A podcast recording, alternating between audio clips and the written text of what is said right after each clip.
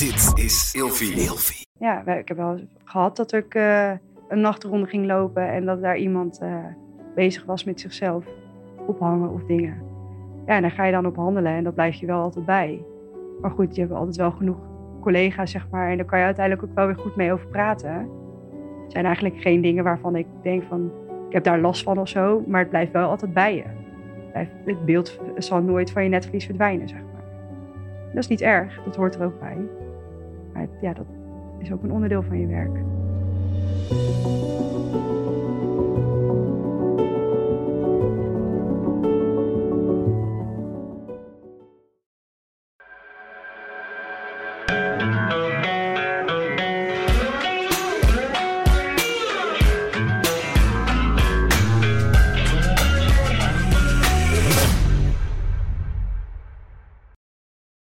Welkom bij een nieuwe aflevering van Scherpschutters. Vandaag zit tegenover mij Mirella.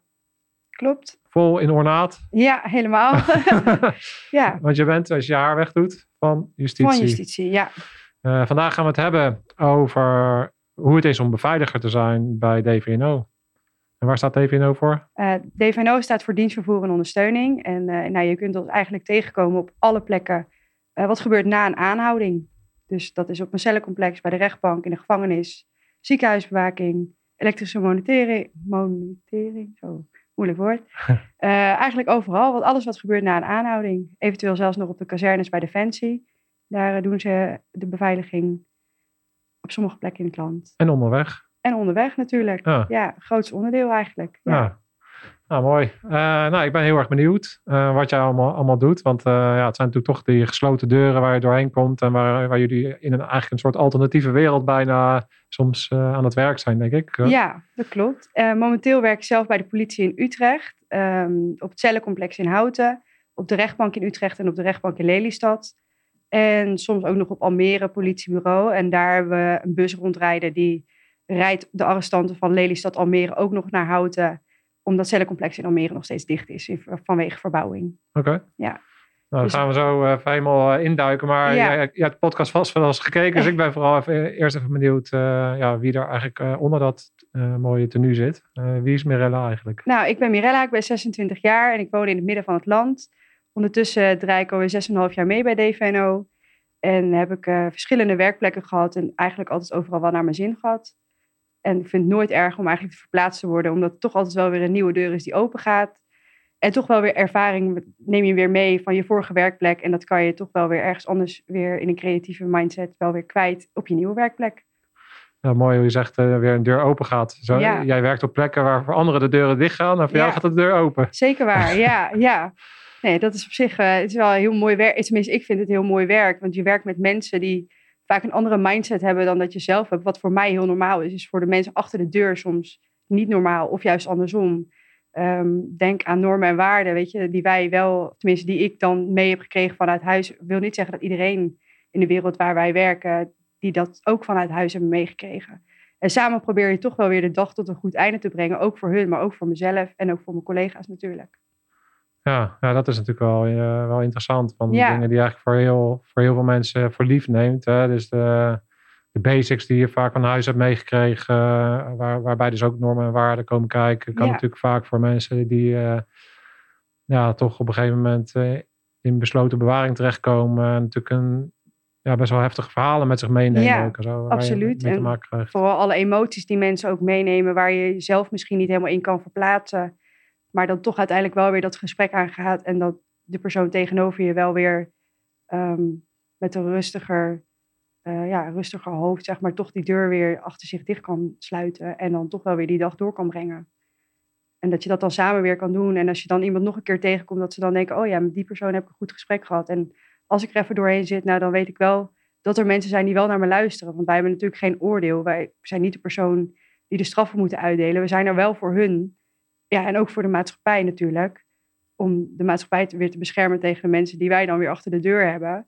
Maar ook die mensen hebben wel weer behoefte aan een luisterend oor. En ook die mensen hebben wel uh, vragen. Want voor hun is het soms ook de eerste keer dat ze bij ons komen. En dan is het ook voor hun en voor ons net zo prettig dat hun natuurlijk zo rustig mogelijk daar die tijd doorkomen. Ja, en als je dat met z'n allen een beetje samen kan doen, dan kan zo iemand, ondanks dat het heel vervelend is om daar te zijn, toch een rustige prima periode doorbrengen. Zowel in een cellencomplex als in een gevangenis. Ja, ja het is wel bijzonder dat je die, uh, dat je die mindset uh, meeneemt eigenlijk. En ook die blik. En dat het ook die, uh, die diepte eigenlijk dat werk, werk heeft. En dat het natuurlijk ook allerlei um, functies heeft. Ten eerste van oké, ja, je wil gewoon natuurlijk uiteindelijk iets brengen. Ja. Dat het zowel voor hun fijn is, zo fijn mogelijk. precies wat je mooi, mooi omschrijft. En dat het voor jullie ook uiteindelijk helpt natuurlijk om de werkplek dan zo ja, een rustige dag is eigenlijk een goede dag. Zeg ik dat goed? Ja, dat is eigenlijk een goede dag. Ja, zeker. Um, bij ons op het cellencomplex hebben we mensen eigenlijk gemiddeld drie à vier dagen bij ons zitten. Nou, ze komen binnen vaak hoog in emotie en dan is het toch, ze zien elke keer een nieuw gezicht. Die deur zit eigenlijk de hele dag dicht totdat ze een half uurtje gaan luchten of totdat ze een advocaat zien of totdat ze naar verhoor gaan. Voor de rest zien ze niemand behalve ons. En als je dan zeg maar continu uh, die strijd aangaat, omdat iemand niet zijn emoties kan, uh, niet goed kwijt kan of niet weet hoe hij daarmee om moet gaan, ja, dan ben je wel de persoon die daar aan bij moet dragen, vind ik persoonlijk. Als ik achter die deur zou zitten, zou ik het ook heel fijn vinden als iemand me even uitlegt wat de exacte bedoeling is en hoe de dag eruit ziet. En uh, is het inderdaad maar zo dat ik twee keer per dag een half uur kan luchten? Zie ik inderdaad alleen maar een advocaat? Zie ik alleen maar de, de rechercheurs bij het verhoor?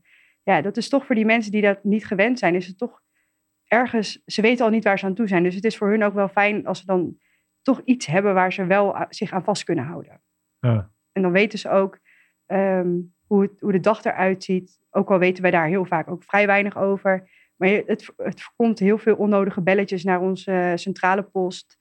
Ehm, elke dag krijgen we echt zo vaak de vraag: ja, hoe laat kan ik luchten? Hoe laat kan ik dit? Wanneer mag ik naar huis?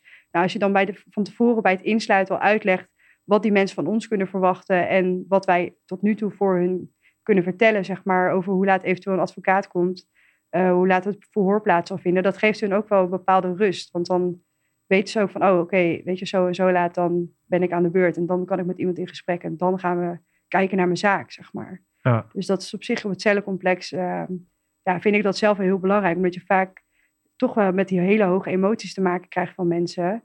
Ja, je moet dat toch met z'n allen doen. Ja, ik kan me heel goed voorstellen. Kijk, je hebt natuurlijk ervaren criminelen, kan me voorstellen, die al, die al vaker natuurlijk allerlei inrichtingen van binnen hebben gezien. Maar je krijgt ook mensen binnen die een soort van in de vrije val komen, die totaal niet weten wat er overkomt. Absoluut. of dat ze zelf iets hebben gedaan, of dat ze beschuldigd worden. Dat is natuurlijk allemaal op dat moment eigenlijk nog niet duidelijk. Klopt. En dat je dan uh, daarin toch een stukje uh, rust probeert te bieden door duidelijkheid eigenlijk. Dat is, ja. dat is wat je zegt. Ja, en soms moet je ook wel eens even wat langer bij een deur blijven staan, omdat iemand gewoon zijn verhaal even wil doen. En ondanks dat je daar niks mee kan, is het voor die persoon aan de andere kant van de deur toch wel fijn als er dan even iemand, al is het maar vijf minuten, dat je even luistert. En dan kan die persoon ook wel weer even door, zeg maar. Ja. En dan gaan wij ook weer door. En je neemt het niet mee naar huis of iets. Maar we gaan wel weer door naar de volgende deur. En achter elke deur die een gevangenis of een instelling of een cellencomplex heeft, schuilt wel weer een heel ander verhaal. Het is geen, uh, ja, ze hebben natuurlijk wel een nummer. Ja. Maar het zijn eigenlijk uh, het zijn mensen die daar dan met een verhaal zitten. Ja, absoluut. En dat maakt het werk natuurlijk ook leuk als je het op die manier bekijkt. Omdat je dan toch uh, dat wat breder kan trekken, denk ik. Ja. Hey, um, ik hoor jou nu een aantal dingen zeggen. Ik ben daar even wel benieuwd naar. Want uh, je hebt dus eigenlijk verschillende onderdelen bij de EVNO, maar ik hoor dus de PI, dus penitentiaire inrichting. Klopt. Maar jij zit dan weer op een cellencomplex. Maar wat is dan het verschil? Um, als, een, als een persoon of een verdachte wordt aangehouden, dan gaat hij meestal eerst naar het bureau van de politie. In de omgeving waar ik werk, dan is het zo dat wij met onze eigen bus halen we die arrestanten of verdachten halen wij op en die brengen we over naar het cellencomplex. Uh, het cellencomplex is een onderdeel van de politie met, ja, het is een gebouw eigenlijk volledig met cellen 105 eh, cellen hebben we daar in Houten. En daar blijven mensen voor de eerste negen uur of de eerste drie dagen in verzekeringsstelling. Daarna gaan ze uh, of naar een rechtercommissaris, die besluit dan dat ze 14 dagen langer moeten blijven of naar huis kunnen. Als ze dan 14 dagen langer moeten blijven, dan gaan ze dus naar een huis van bewaring en dat is in een PI. Oké. Dus het is eigenlijk een tussenstation tot uh, de rechtbank slash naar de PI gaan. En is een huis van bewaring dan ook een aparte afdeling in de PI? Ja, dat zijn ook mensen die hebben een beperkter dagprogramma dan de mensen die afgestraft zijn. zijn allemaal verdachten nog. Dus zijn allemaal nog mensen die nog niet beschuldigd zijn. Um, ja, die hebben iets minder, iets minder ja, uitgebreid dagprogramma. Dus ze kunnen wel naar de arbeid, maar het is bijvoorbeeld niet verplicht. Ze hoeven nog niet actief mee te werken aan reïntegratieprogramma's, want dat, ze zijn nog in principe verdachten. Dus pas op het moment dat ze afgestraft zijn, gaan ze naar een gevangenisafdeling. Dan gaat de deur ook veel meer open en daar zullen ze ook dan veel meer bezig zijn met het reïntegreren terug de maatschappij in. En oh dat gebeurt allemaal op een huis van bewaring. Is dat nog niet, uh, nog niet altijd aan de orde. Oké. Nou, dat is ook uh, interessant. Ja, ik, allemaal nieuwe, nieuwe dingen voor mij. Maar ja. ik ben even benieuwd, hè, want jij zegt al dat je 6,5 jaar werk je al bij de Van heel even een stapje terug van uh, waar kom je dan vandaan in de zin van, weet je, uh, van gezin en uh, je opgroeien en hoe ben jij uiteindelijk zo in dit wereldje terechtgekomen? Kan je daar wat over delen? Ja, dat is eigenlijk heel grappig. Er is echt niemand in mijn familie die dit werk doet of ook maar enigszins in deze richting.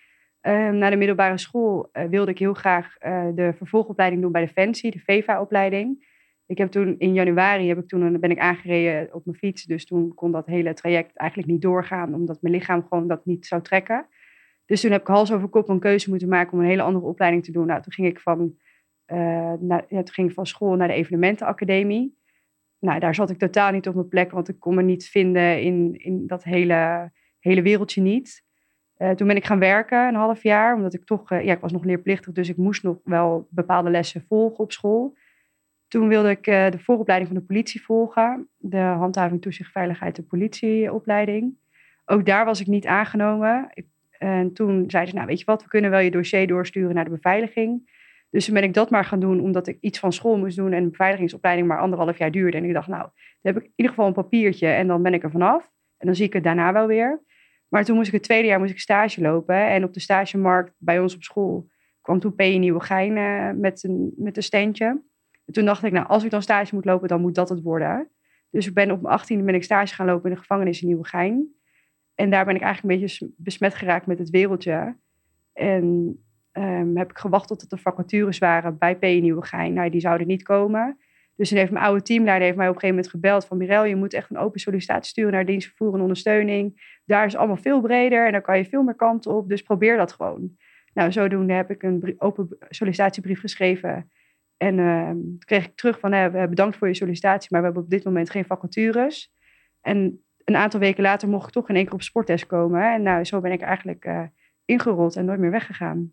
Oh, mooi. Ja. Hey, jij zegt van in die evenementenbranche ja, zat ik helemaal niet op mijn plek. En uh, daarna ben ik wel besmet geraakt met dat hele wereldje van, uh, uh, van de beveiliging.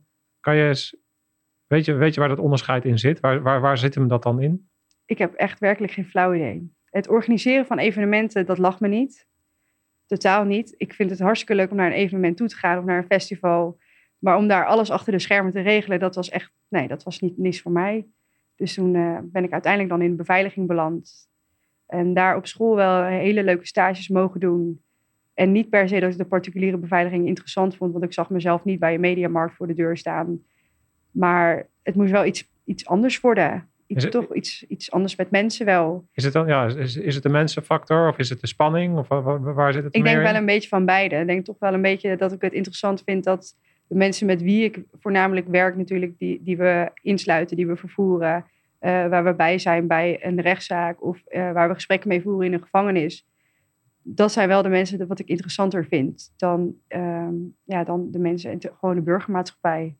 Ja, ja. is toch de verhalen van de mensen ja. en de dingen die je daar hoort. En dat, dat, dat is natuurlijk, ja, wat je zegt, al, achter al die dichte deuren zitten natuurlijk hele bijzondere verhalen. En dat, ja. dat maakt het natuurlijk heel interessant. Ja. En afwisselend. Af, zeker afwisselend. En niet, kijk, van iedereen um, kan je erachter komen waarvoor iemand ingesloten zit. Maar dat is niet, lang niet altijd interessant en al helemaal niet relevant. Maar soms zijn er wel mensen die graag willen vertellen waarom ze zijn waar ze zijn. Ja, en dan komen wel soms wel hele bijzondere verhalen naar boven. En dan ook niet alles wil je dan horen. Maar goed, ja, dat, dat hoort ook bij je werk. Dat moet je dan je eigen even opzij schuiven om toch wel even naar het verhaal van iemand anders kunnen luisteren. Ondanks dat je oren eigenlijk denken, nou, dit hoef ik echt niet te weten. Maar goed, dat, dat hoort er ook bij. En dan leer je jezelf ook wel weer een stukje ontwikkelen um, door toch professioneel te blijven. Ondanks dat je denkt, ja, maar dit verhaal, dat uh, is echt niet voor mijn oren bestemd. Ja, ook daar moet je dan toch wel even dat stukje van jezelf opzij zetten. Want ook die persoon achter die deur is ook wel weer uiteindelijk gewoon een mens. En uiteindelijk gaat voor die persoon ook wel weer de deur open. En uiteindelijk wil je dan ook dat als het dan bij wijze van spreken je buurman wordt, dat het dan niet uh, raar is, zeg maar. Je wil, ja, het, zal altijd bijzonder blijven, maar je wil wel dat zo iemand goed terug de maatschappij inkomt. Want we hebben daar allemaal belang bij. Ja, heeft het jouw wereldbeeld veranderd? Want je krijgt natuurlijk, ik kan me voorstellen, jij brengt natuurlijk best wel veel tijd door. Stel dat je 40 uur werkt, uh, ja, dan ben je dus toch een groot deel van je leven ben je in een wereld. Ja. Wat misschien niet helemaal representatief is voor de echte wereld. Klopt. Hoe, hoe zorg jij ervoor dat je daarin een soort balans vindt? Um, nou, ik heb op zich best wel veel contact met collega's, ook gewoon uh, buiten werk om. En als je met dat soort mensen veel omgaat, die snappen wel waar je het over hebt. Ik heb ook heel veel vrienden van mij die, die echt totaal geen beeld hebben eigenlijk van wat ik doe. Maar ik kan het ze dan wel uit, proberen uit te leggen, maar ze hebben het beeld er niet bij. Dus dan gaan ze uiteindelijk niet begrijpen wat ik daadwerkelijk heb gedaan. Als ik tegen hun vertel, ik heb niet zoveel gedaan op een dag, dan denken hun dat ik de hele dag op de bank heb gezeten. Maar ja, uiteindelijk ben je toch wel de hele dag overal, elke deur die je opentrekt, je wil alles zien. Want dat, je ogen trekken, elke hoek trekt, ja, je ogen moeten overal zien wat er gebeurt, zeg maar. Je bent altijd, sta je aan. En het is altijd belangrijk om niet alleen voor je te kijken, maar ook achter je te kijken van wat gebeurt er achter me. Je houdt je collega's in de gaten, je houdt veranderend gedrag van een persoon als je twee, iemand twee dagen in een cel hebt zitten. Dan kan je de ene dag kan je een heel andere persoon zien dan de andere dag. Maar ook dat soort dingen, dat, dat blijft je bij. En dat, dat houdt je altijd wel wakker en bezig. Maar dat wil niet zeggen dat de buitenwereld dan weet of denkt dat je dan heel druk bent geweest. Ja, je, je staat gewoon de hele dag aan. Maar iemand anders in de burgermaatschappij die een kantoorfunctie heeft, die staat op, ook aan, maar op een andere manier. Maar wij willen elke verandering willen wij zien. Of elke verandering, dat, dat wil je eigenlijk dat het opvalt. Zodat je daar weer iets mee kan doen als dat dan nodig is. Ja de zogenaamde cues eigenlijk. Van uh, toch aanhaken op uh, alles wat anders is. Om, ja. Om, ja, dat wil je dan kijken, oké, waarom is het dan anders? En moet ik daar nu iets mee? Ook om te kunnen de deescaleren of uh, vooraf in te grijpen. Of, ja, precies. Wat, wat, zijn de grootste dreigingen dan? Kan je dat soms schrijven? Waar, waar heb je het dan over? Um, nou, de ene dag kan bijvoorbeeld iemand heel emotioneel binnenkomen en de andere dag daar wel een soort van in blijven hangen, maar wel met een hele andere gedachtegang eerst vinden ze bijvoorbeeld allemaal heel erg wat er gebeurd is. En daarna, een dag later, hebben ze een nachtje over geslapen. En dan denken ze, jee, maar op deze wereld wil ik niet verder leven. En dan komen ze in één keer met suïcidale gedachten. Nou, we hebben geen camera's in deze cellen waar, wij, waar ik dan nu werk. We hebben wel een aantal cameracellen, maar dan moet je in overleg en dan moet je goed doorvragen aan zo iemand van ben je echt van plan jezelf iets aan te doen? Want anders moeten we daar vooraf aan, moeten we daar iets mee doen. Nou en als dat het geval is, ja, dan komen toch wel hele andere gesprekken naar boven met mensen. En overplaatsing naar een cameracel, zodat we iemand 24 uur per dag in de gaten kunnen houden. Maar zelfs dat is niet altijd genoeg. En zelfs in die cameracellen gebeuren dingen dat je denkt, ja, dat is niet, ja, niet normaal, zeg maar. Mensen die gewoon in, in het zicht van een camera hun eigen hoofd kapot slaan of dat soort dingen, in de hoop dat ze niet meer wakker worden. En dat hoort ook bij je werk. En ook niet altijd ben je op tijd. Met dat soort dingen. Ja, en als je het dan hebt over de verantwoordelijkheid, ja. met alles wat je doet, voel jij natuurlijk dat de keuzes die jij maakt, van plaat je iemand in een, in een gewone cel of bij een camera of uh, al, al, al, die beslissingen, die kunnen dus de gevolgen hebben. En, ja. en, je moet dus ook continu zelf kunnen leven met die gevolgen. Absoluut waar, ja. Ja, ja ik heb wel gehad dat ik uh, een nachtronde ging lopen en dat daar iemand uh, bezig was met zichzelf ophangen of dingen. Ja, en daar ga je dan op handelen en dat blijf je wel altijd bij. Maar goed, je hebt altijd wel genoeg collega's, zeg maar. En daar kan je uiteindelijk ook wel weer goed mee over praten. Het zijn eigenlijk geen dingen waarvan ik denk van, ik heb daar last van of zo. Maar het blijft wel altijd bij je. Het beeld zal nooit van je netvlies verdwijnen, zeg maar. Dat is niet erg, dat hoort er ook bij. Maar ja, dat is ook een onderdeel van je werk. Ja, maar het is ook niet... Ik, je weet dat je ervoor kiest als een dooddoener. Hè? Van, uh, dat, uh, ja, ja je, je, kiest daarvoor, maar dat neemt niet weg dat je daar continu voor jezelf scherp op moet zijn. Wat, wat doet het met me? Ja. Um, kan, ja, wil ik daarover praten? Soms wil je daar ook even niet over praten. Natuurlijk kan ik me ook voorstellen.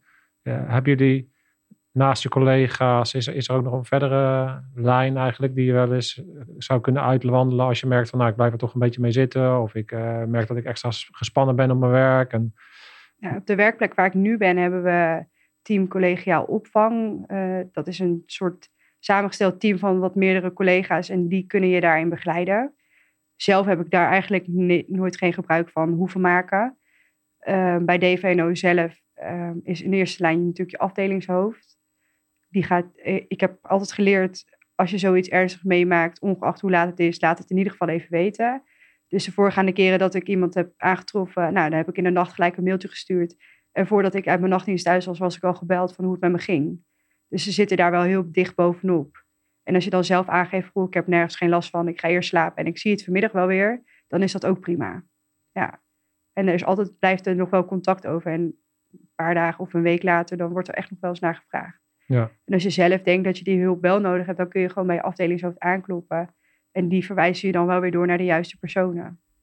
Ja. Ja, ja het is goed. Gewoon heel belangrijk om daar trek op te houden. Ik heb natuurlijk inmiddels uh, nou ja, meer dan 130 gesprekken hier gehad. En ja.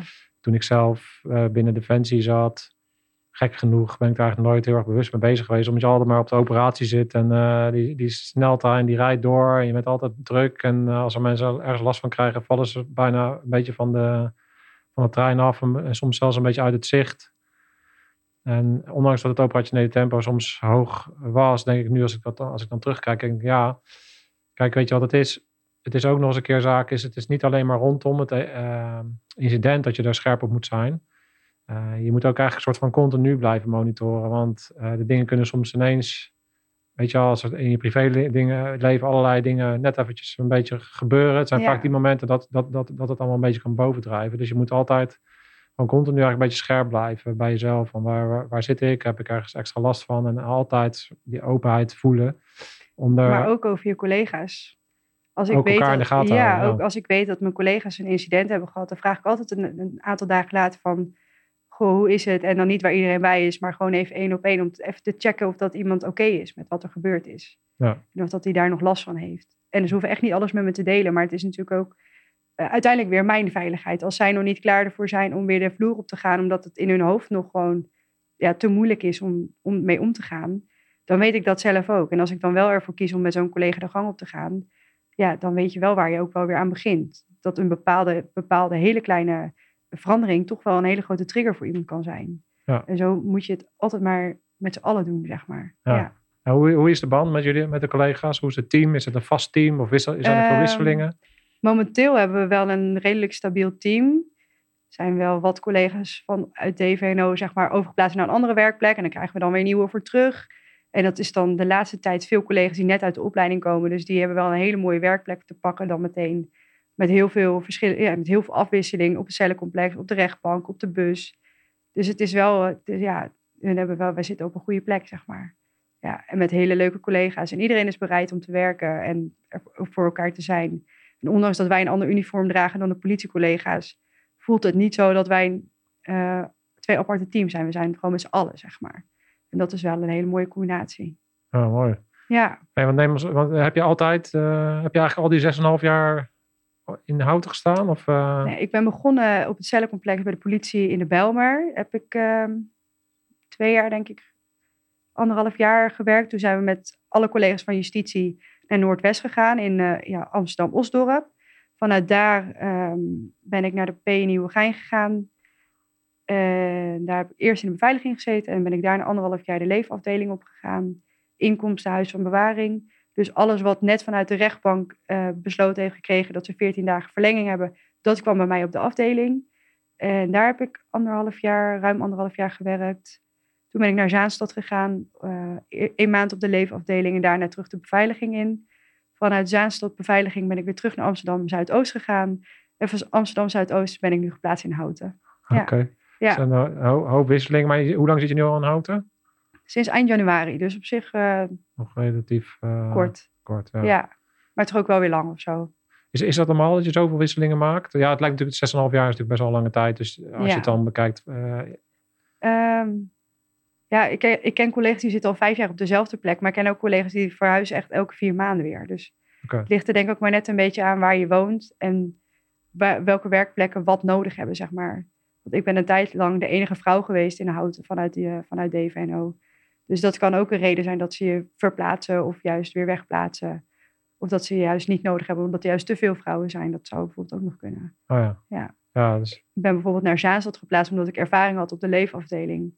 Dus alleen om die reden ging ik daarheen. eigenlijk zou ik daar maar voor een maand naartoe gaan. Uiteindelijk is dat iets langer geworden. Maar dat was de reden omdat ik ervaring had op de leefafdeling. Dus het is maar net wat de werkplek, wat de klant zeg maar dan nodig heeft. Ja. Heb je, heb je zelf daar uh, invloed op? Uh, in de zin van, uh, kan voorstellen, zoals ik je nu hoor, heb je het volgens mij heel erg naar je zin. Absoluut. Um, ik kan me voorstellen dat je ook wel eens op een plek bent geweest dat je wat minder feeling krijgt. Of, of het nou bijvoorbeeld is met het werk, kan, kan je meer of minder liggen. Dus de doelgroep eigenlijk die bij je komt. Ja. Ik denk dat dat toch verschilt tussen de eerste opvang in de 72 uur of de 14 dagen of de penitentiaire inrichting of een ziekenhuis. Dat, het, dat de doelgroep toch een beetje verschilt. En dat je ergens toch wel voorkeuren kan, kunt hebben. Hoe groot is jouw invloed op waar je geplaatst wordt vanuit je? Eh, kan je daar iets over roepen? Natuurlijk mm, heb je ergens wel, hè, je kan wel aangeven van goh, uh, dat lijkt me totaal niks. Maar als, je, als ze je daar nodig hebben, dan hebben ze je daar nodig. En op het moment dat je wel solliciteert, weet je ook wel dat ze je overal nodig zouden kunnen hebben. En ik heb één werkplek gehad waar ik het niet zo heel erg naar mijn zin heb gehad. Goede gesprekken over gehad met mijn afdelingshoofd. En samen zijn we eruit gekomen dat ik toch na ja, in mijn beleving een korte periode van vier maanden toch wel weer overgeplaatst ben. Ja. Oké. Dus, nou, ja, dat is belangrijk denk ik, want ik, ik, ik, ken het natuurlijk. Uiteindelijk heb je uit te voeren. Ja. Bij Defensie is het hetzelfde. Uh, ja. Maar het is toch ook wel tegenwoordig uh, heel erg belangrijk dat de PNO-organisatie toch ook wel genoeg ruimte houdt.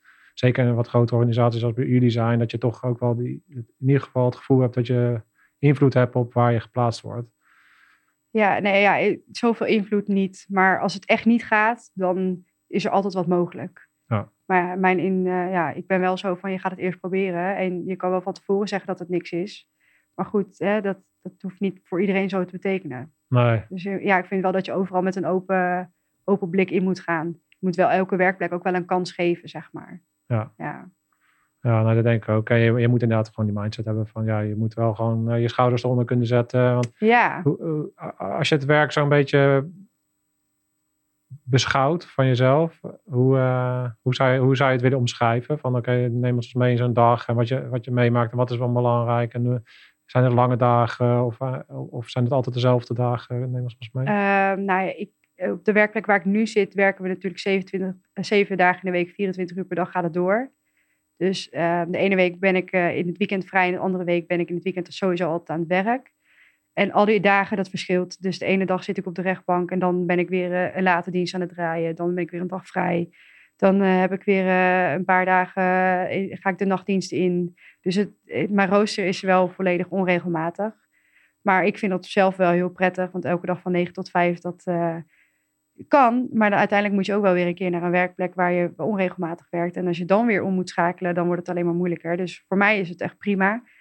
Um, nou, laat ik even hebben bij een ochtenddienst. Uh, we beginnen om zeven uur. We hebben sowieso standaard voor elke dienst hebben we eerst een briefing. En daar worden alle bijzonderheden van tevoren even besproken. Van welke mensen hebben wel aandacht nodig. Welke mensen hebben bijzondere aandacht nodig. Uh, staan er nog uh, openstaande ritten open dat de bus moet gaan rijden. Um, de indeling van de dag, wie wat, uh, welke taak heeft. Dat wordt allemaal even besproken. En dat hoeft soms heel kort te duren. En het soms vijf minuten. En dan uh, ga je aflossen. In de ochtenddienst, nou, dan begin je gewoon met het ontbijt uitdelen aan de arrestanten. Vervolgens wordt er gelucht. Daarna komen de belletjes van de advocaten. De verhoren gaan beginnen.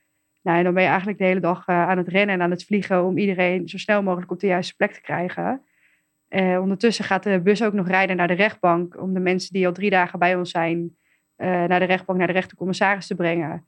Nou, en die komen ook nog tussendoor. Dan komen er ook nog lichtingen vanuit de gevangenis. Mensen die dus eigenlijk al in een huis van bewaring zitten. Die komen ook bij ons op het cellencomplex speciaal voor verhoor. Dus we krijgen 24 uur per dag mensen binnen. En nou, laten we zeggen, tot 11 uur s avonds gaan ook mensen bij onze deur weer uit. Dus het, gaat, het houdt nooit op. Het maakt eigenlijk niet uit hoe laat je begint. Het is altijd, altijd is er wel wat te doen. Ja. Nou, ze dagen vliegen voorbij, denk ik. Ja, ja soms eh, loop ik gewoon 12 kilometer op een dag, omdat je gewoon zoveel mensen hebt zitten en zoveel mensen uh, naar een advocaat moeten. Nou, je blijft gewoon bezig. Dus de dag vliegt voorbij. Soms is er dan even een keer geen tijd om te eten. Maar ja, dat uh, hoort er dan ook maar bij.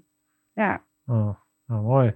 Hey, ik zie jou, bij jou uh, trouwens, dat is wel interessant. Je zit natuurlijk hier voor en na te kunnen ja. dat kunnen zien. Maar jij hebt een hele eigenlijk zoals ik hem ook van de politie ken. Dus uh, ik kan me voorstellen dat daar een behoorlijk stukje training aan zit. Want uh, ik zie een wapenstok, ik zie pepperspray, ik zie uh, vuurwapen. vuurwapen. Ja, handboeien heb ik nog bij me en een bussleutel.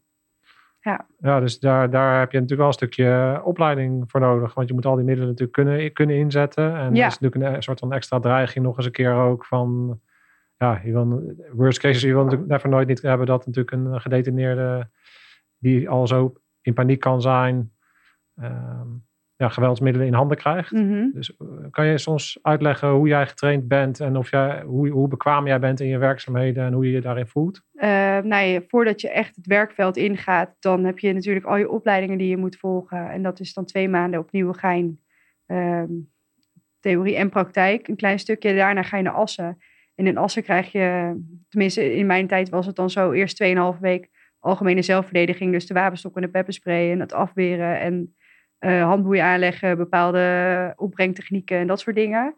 Daarna hebben we 2,5 week alleen maar training gehad in het vuurwapen. En als laatste de vervoersopleiding met het ziekenhuisbewakingstukje. En uh, door het hele jaar heen hebben we zes keer een onderhoudstraining.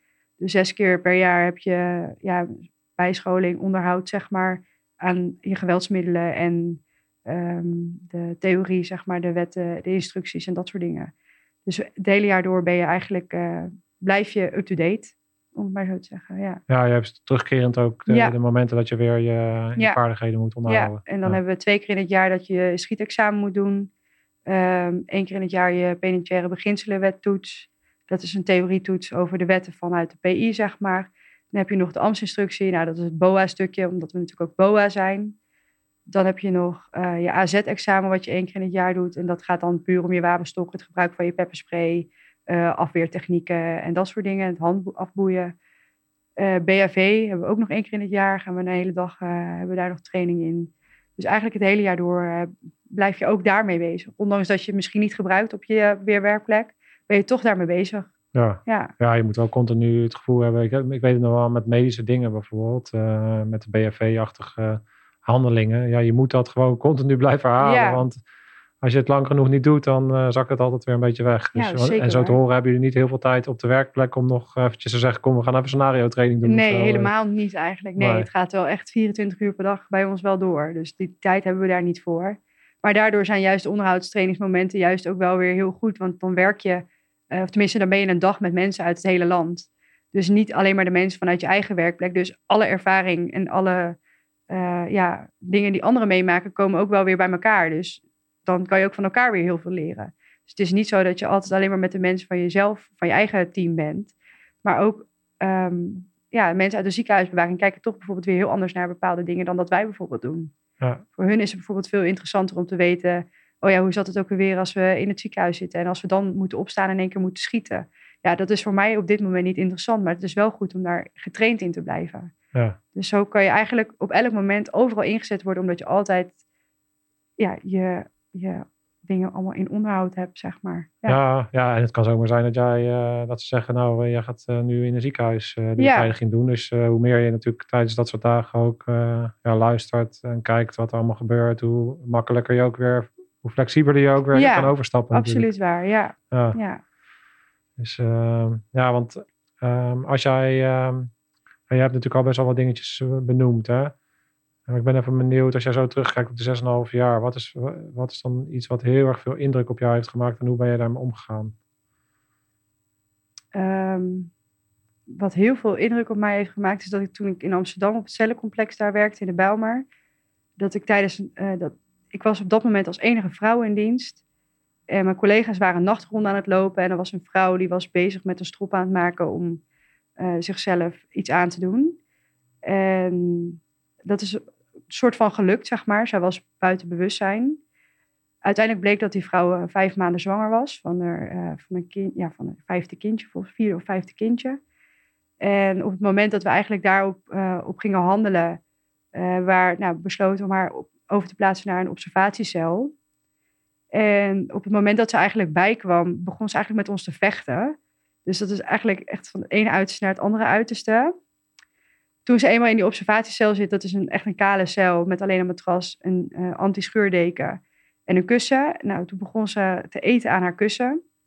Dus die moesten we toen afpakken. En uiteindelijk heeft ze geprobeerd de draadjes in die deken heeft los te maken om uiteindelijk... Ja, je kan er niks mee, maar goed, we moesten dat er alsnog uithalen. En uiteindelijk is ze begonnen aan een matras, om de matras op te eten. Dus ook die moest eruit. Ondertussen had ze ook al helemaal geen kleding meer aan, omdat ze overal aan zat te pulken en te doen. Dus toen heeft die vrouw heeft, uh, zwanger, van, ja, vijf maanden zwanger van een kindje, um, een nacht lang op een koude stenen vloer eigenlijk ja, de nacht door moeten brengen, omdat ze continu iets probeerde zichzelf aan te doen. Dat zijn wel een van de dingen wat me altijd bijgebleven is. Ja. Dat kan me wel voorstellen. Mijn vader die is hoofdmaatse dienst geweest in een psychiatrische instelling in Benassia. En als ik jouw verhalen dan zo hoor, dan beginnen bij mij allemaal dingen te, te rinkelen. Ik, ik merk, weet natuurlijk dat de politie en AT, arrestatieteams natuurlijk ook enorme uitdagingen hebben met verwarde personen. Ja. En je komt natuurlijk heel erg op een soort raakvlak van, ja, ja wat is dan nog jullie werk? Kijk, jullie zijn natuurlijk niet eh, equipped nee, om, uh, ja, om, om mensen die daadwerkelijk uh, in een psychose zitten of dat soort dingen en zo, zo klinkt dat dan een beetje als ik dat dan zo hoor. Dan denk ik dat dat is toch iemand die dan dus andere hulp eigenlijk nodig heeft. Ja, dan, absoluut. Dan wat jullie dan op dat moment kunnen providen. Dus dan kan ik me voorstellen dat dat een grensgebied raakt. Waarop je natuurlijk het gevoel krijgt van ja, wat, wat moet ik hiermee? Ja, want je wil ook voor die persoon uiteindelijk... Kijk, je wil natuurlijk niet dat iemand zichzelf iets aandoet. En zeker ja, niet in je eigen dienst. Maar om dan iemand ook weer op hele andere gedachten te brengen. Maar dan eerst van een stukje van Hey, ze wil zichzelf iets aandoen, ze wil niet meer leven, maar vervolgens redden wij haar, want we waren net op tijd. dan begint ze met ons te vechten. Dus die hele, ja, het gaat echt in één keer alle kanten op. Het is niet van, oh, iemand heeft geprobeerd zichzelf iets aan te doen. Nou, daarna wordt het rustig en dan gaat ze uiteindelijk op cameracel, gaat ze dan alsnog slapen en er, ja, de nacht doorbrengen. Nou, we zijn er gewoon de hele nacht mee bezig geweest. En je kan dan zo iemand niet helpen, want dat is niet waar wij, zeg maar, voor geleerd hebben. En dat is denk ik in het werk de laatste tijd wel waar, waar, waar ik dan het meeste tegenaan loop. Dat je die mensen niet kunt helpen omdat ze hele andere problemen hebben. Ja, dat is ingewikkeld. Dat is lastig. En daar moet je goed, uh, ook goed scherp op zijn. Want dat is inderdaad iets, ja, daar word je mee geconfronteerd. En dat is helemaal zo. Maar hoe meer je het gevoel hebt dat je niet uh, daarop kan handelen, hoe meer het gevoel natuurlijk gaat knagen. Ja. En dan moet je wel, dat is wel belangrijk om daar scherp op te zijn inderdaad. Dus ik kan me voorstellen dat je daar goed over moet blijven praten met je collega's. En, ja, en dat, dat, dat doen we eigenlijk ook altijd wel. Want als, zodra we een inzetje hebben gehad dat we iets hebben, ja, geweld hebben moeten gebruiken. Of inderdaad iemand die uh, suicidaal is hebben moeten overplaatsen. Dan hebben we eigenlijk altijd een soort korte debriefing. En dan vragen we altijd even rond van, goh, wat ging er goed, wat ging er niet goed? als er wel geweld gebruikt is, van wat vonden we met z'n allen ervan? Hoe is het gegaan? Wat kunnen we de volgende keer anders doen? Waar moeten we rekening mee houden? Ehm, is iedereen er oké mee? Nou, en dan, je weet toch wel met de mensen wie je dat hebt gedaan dus een paar dagen later vraag je nog even aan elkaar: Goh, uh, zit je nog steeds goed? Ja, ik zit nog steeds goed. Nou, en dan, hup, dan ga je gewoon weer door. Ja. ja. Ja, knap hoor. Ik heb daar heel veel bewondering voor hoe jullie dat dan uh, allemaal uh, maar weer flikken met elkaar. En uh, ja, dat zijn natuurlijk de heftige dingen die hebben we besproken. Maar ik kan me voorstellen dat, dat, dat er voornamelijk ook heel veel leuke dingen gebeuren. Als je zou, zou willen omschrijven, wat is dan het leukste wat er aan het werk en waar, wat, komt dan bij je boven? Um, denk toch altijd wel de samenwerking. Want eigenlijk werken wij continu samen met andere instanties. Uh, de politie, de, de rechtbank, um, de collega's vanuit de PI. Iedereen is toch wel weer anders opgeleid. Maar uiteindelijk dan wordt het toch wel weer één. En uiteindelijk uh, zie ik het altijd maar een soort van als een beetje als een soort grote familie of zo. Het maakt niet uit waar je uiteindelijk terechtkomt. Maar uiteindelijk dan is het voor iedereen oké, zeg maar. En je bent, omdat je een ander uniform aan hebt, ben je niet anders dan dat de rest is. En het mooie is dat iedereen zijn eigen ervaring weer meeneemt naar elke werkplek. En dat je daar van elkaar ook gewoon altijd weer zoveel kan leren. En ja, bij ons is het gewoon vooral ook heel vaak gewoon heel gezellig. Veel mensen van mijn eigen leeftijd, maar ook wel wat collega's die wat ouder zijn. Maar die hebben ook wel weer hele andere ervaringen. Dus zo wordt de groep heel divers. De collega's met wie ik werk zijn heel divers. Maar ook de mensen aan de andere kant van de deur zijn ook heel divers. Dus dat maakt eigenlijk één grote, ja, gezellige boel vaak er wel van. ja. Oh, mooi. Ja. Nou, tof. Hey, uh, mensen, nou, er zijn dus nu uh, anders dan in jouw tijd uh, wel veel mogelijkheden om nu te gaan werken bij DVNO. Zeker. En voor jou is het natuurlijk ook belangrijk, want zoals je omschrijft, is het eigenlijk een van de leukste en belangrijkste dingen zijn de mensen om je heen. Dus je wil ja. goede collega's hebben.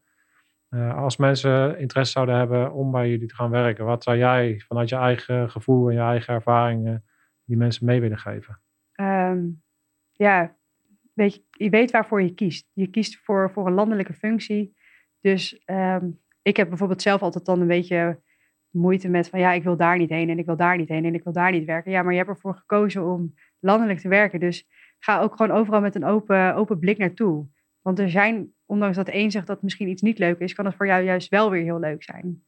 Dus zorg er gewoon voor ja, dat je gewoon er een leuke tijd van maakt. En zorg dat je met z'n allen het wil doen. Want uiteindelijk moet je het samen doen. En iedereen wil s'avonds gewoon thuis komen eten. Dus je moet het met, ja, je moet met z'n allen doen. Ja. Oh, mooi. Ja. Ja, dat is, uh, ja, ik vind dat heel herkenbaar. Uiteindelijk is het natuurlijk een van de dingen waarop je bij politie of defensie of, of een beveiligingsorganisatie uh, gaat werken. Is ook dat gevoel van een beetje het onbekende aan, aan willen gaan. Uh, een beetje die omgeving opzoeken. En dat met ja. name ook doen in een omgeving waarin je ja, het gevoel hebt dat je een team bent. En dat je een team vormt. En dat je samen een klus klaart die dus uiteindelijk niet altijd makkelijk is. Want ondanks dat het vaak gewoon leuk is en je druk bent en je rond uh, aan het rennen bent en mensen van hot naar haar aan het brengen bent, mhm. gebeuren er dus ook wel eens heftige dingen. En dat je dan het gevoel hebt dat je gebackt wordt uh, door je collega's en dat je het samen meemaakt. En dat geeft een enorme verdieping aan je leven, denk ik. Ja, je staat er nooit alleen voor. Je bent altijd met z'n allen. Ondanks dat je soms wel eens alleen op de gang bent, als er wel iets gebeurt, dan ben je nooit alleen, zeg maar. Je collega's zijn er altijd. En of dat het nou meteen is tijdens het incident, dan is het daarna wel. Ja. Oh.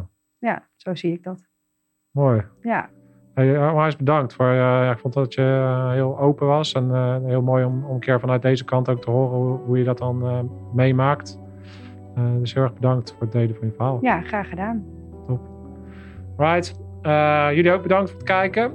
jullie kunnen nu nog eventjes, mochten jullie interesse hebben om net zo, om collega van Mirella te worden, bekijk dan even de, het laatste stuk van deze video waarop Peter uitlegt hoe je collega kan worden. Dus rammen met je kadaver en tot de volgende. Scherpschutters.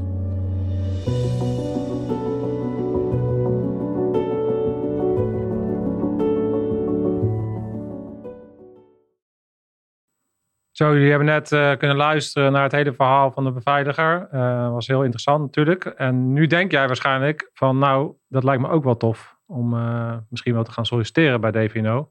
Tegenover mij zit uh, Peter. Peter Elsgaat, op dat je er bent. Ja, dankjewel.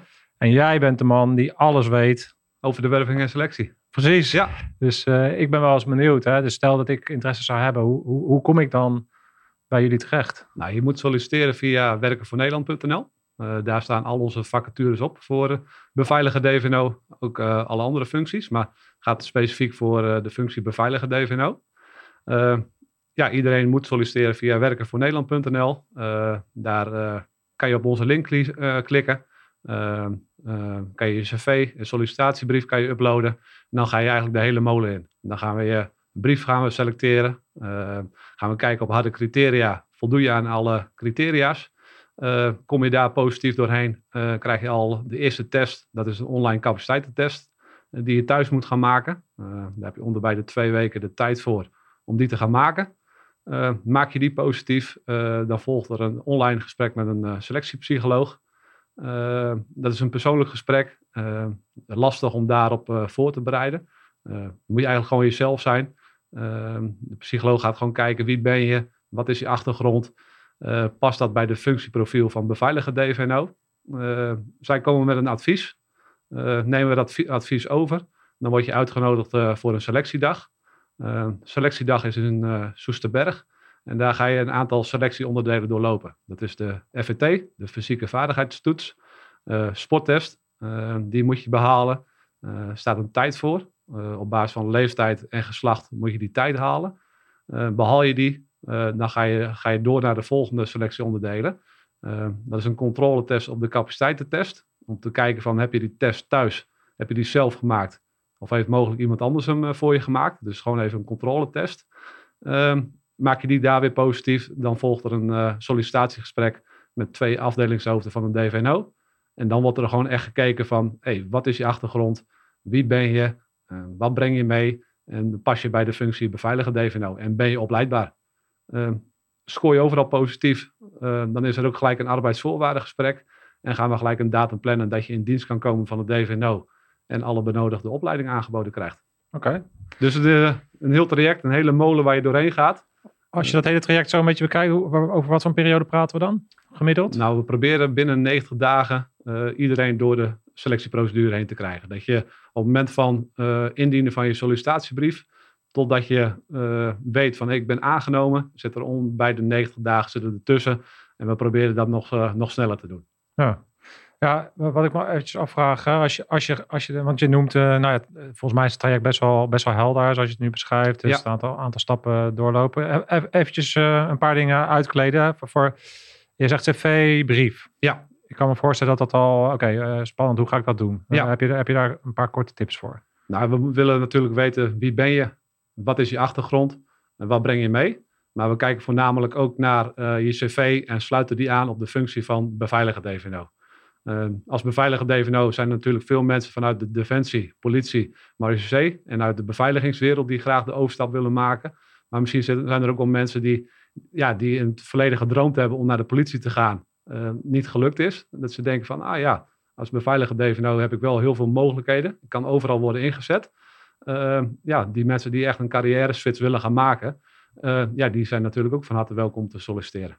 Ja, en het andere wat ik me zou afvragen is, uh, werkt het dan net zoals bijvoorbeeld bij de politie, dat je dus eigenlijk solliciteert op een functie met een bepaalde regio of een bepaalde plek, standplaats bijvoorbeeld? Of, of, of ga je een soort van algemeen solliciteren en ga je pas later in het traject kijken waar je terecht komt? Nou, we zijn een landelijke organisatie. Uh, we proberen iedereen eigenlijk zo dicht mogelijk bij het huisadres te plaatsen.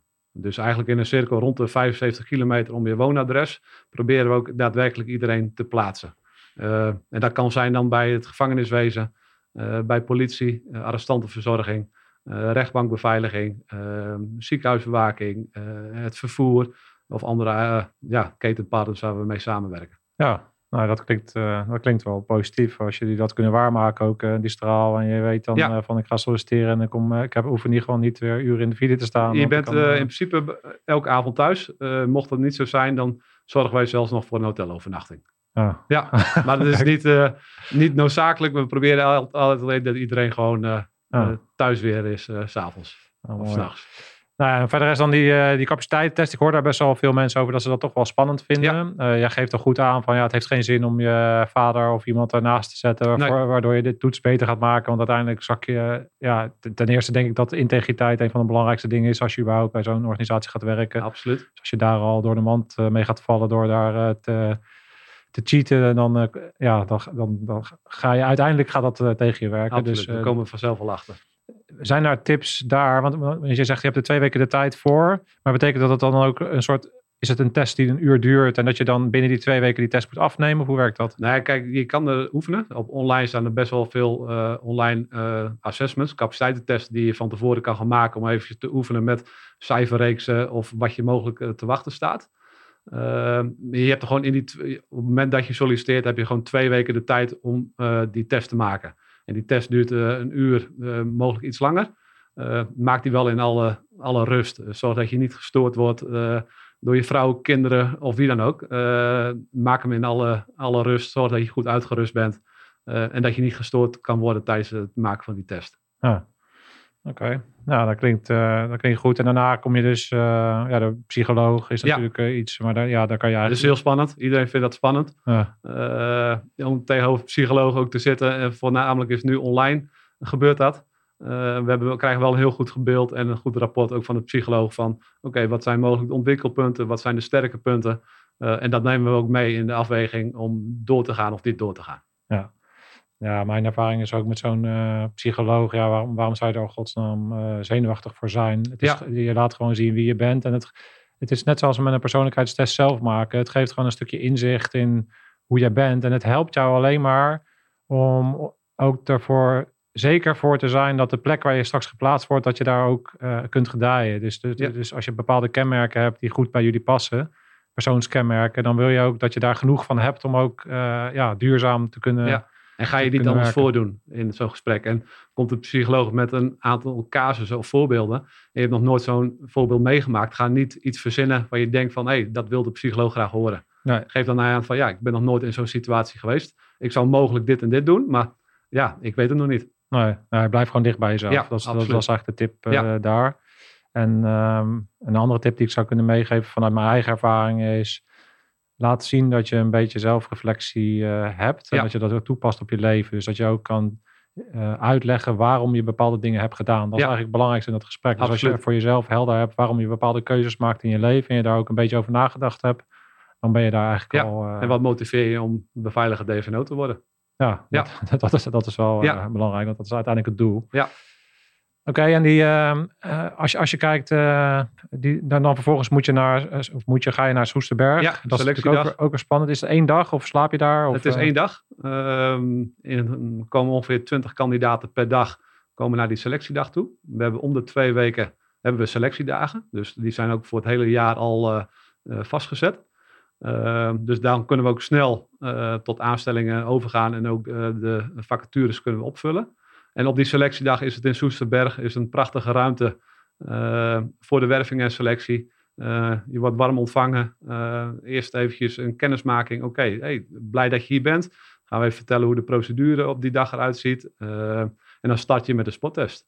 Dus dan ben je gelijk even geprikkeld. Dan kan je gelijk eventjes aan de bak. En, dan willen we gewoon het maximale zien wat je, wat je eruit kan halen. Ja. ja, en op die ja, spottest, de FVT op Google, uh, kan je hem al vinden. Fysieke vaardigheidstoetsen DI. Dus op die manier kan je al uh, fysiek uh, en conditioneel voorbereiden op de test.